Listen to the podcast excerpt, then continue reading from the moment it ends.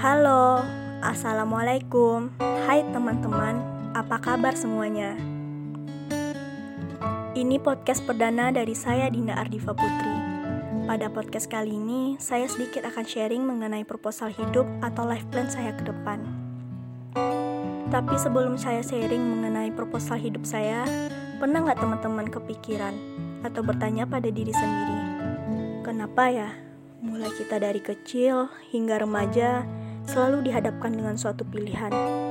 Pilihan yang terkadang tidak sesuai dengan yang kita rencanakan atau yang kita harapkan.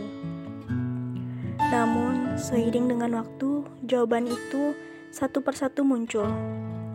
Jawaban yang membuat kita semakin dewasa. Saya ingat, saya menemukan jawaban itu ketika saya mengalami kegagalan demi kegagalan Kegagalan itu membuat saya berpikir dan menentukan sebuah pilihan.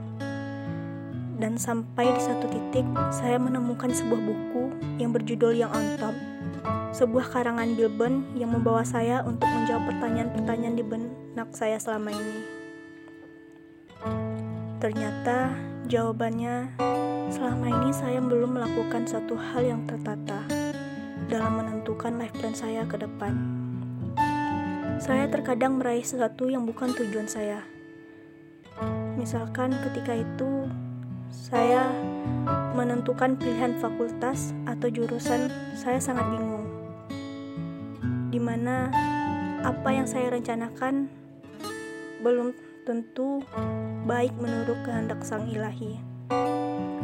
Saya tertampar pada halaman depan buku saya menemukan bahwa untuk merancang life plan kita ke depan, kita harus tahu passion kita. Do what you love and what you do. Tapi ketika itu saya belum tahu passion saya apa, apa yang saya cintai dan apa yang harus saya lakukan ke depan. Dari sini saya bisa open minded dan mulai mencoba menuliskan di sebuah kertas apa tujuan saya sebenarnya. Tulisan itu dimulai dari tujuan yang berasal dari impian atau harapan saya ke depan. Sederhananya, life plan atau tujuan saya ke depan yaitu ingin lulus kuliah tepat waktu dengan IPK yang memuaskan. Mungkin ini bisa dijadikan tujuan jangka panjang untuk beberapa tahun ke depan. Dan ini berasal dari harapan saya. Itu mengapa tujuan juga berasal dari impian atau harapan. Karena saya yakin Ketika kita menulis dan mengingat tujuan kita, kita akan termotivasi untuk mencapainya dan menyelesaikan satu persatu tujuan kita. Mungkin teman-teman yang mendengarkan podcast ini juga melakukan hal yang sama. Bahkan teman-teman akan menempelnya di dinding kamar atau di tempat-tempat yang bisa dilihat setiap saat. Saya pernah baca sebuah penelitian yang menunjukkan bahwa untuk menetapkan tujuan akan membuat kita merasa lebih percaya diri dan penuh harapan. Dan ketika kita membuat tujuan berdasarkan sesuatu yang memotivasi diri, kemungkinan besar kita akan bisa mencapainya. Walaupun tujuan itu tidak langsung bisa tercapai. Seperti yang dikatakan seorang filosof Cina, Lao Zi, yang mengatakan, perjalanan seribu mil dimulai dengan satu langkah. Nah, mungkin teman-teman yang mendengar podcast ini juga dapat mengambil langkah pertama dalam perjalanan dan menetapkan tujuan pribadi yang realistis. Dari tulisan ini, saya juga menentukan tujuan jangka panjang, pendek, ataupun menengah.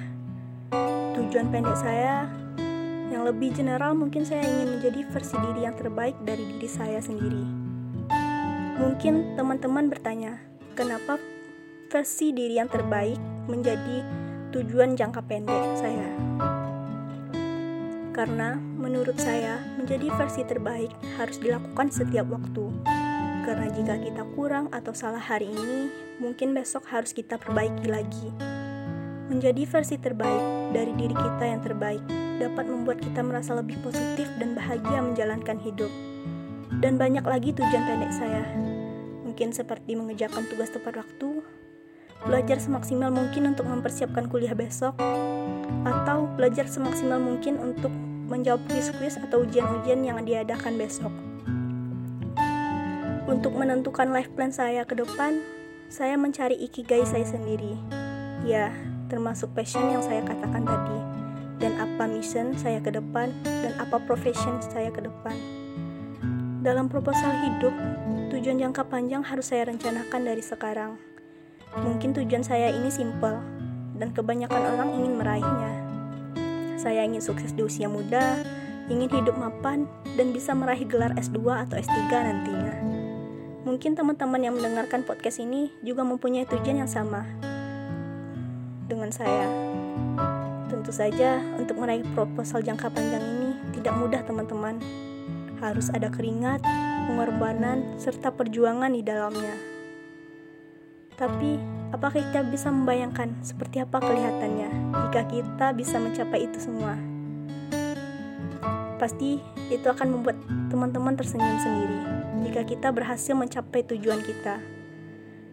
Dalam menentukan rencana hidup atau life plan, saya yakin saya harus bertanggung jawab pada tujuan tersebut. Dan yang terakhir, ketika saya dan teman-teman telah merancang life plan, mari kita membiasakan bersyukur.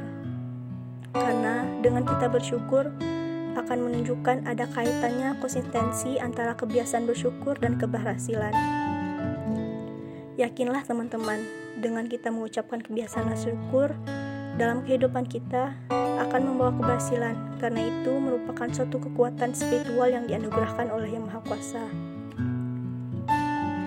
Di penghujung podcast ini, marilah kita menyusun suatu tujuan atau life plan saya kita dengan bentuk kata-kata yang positif.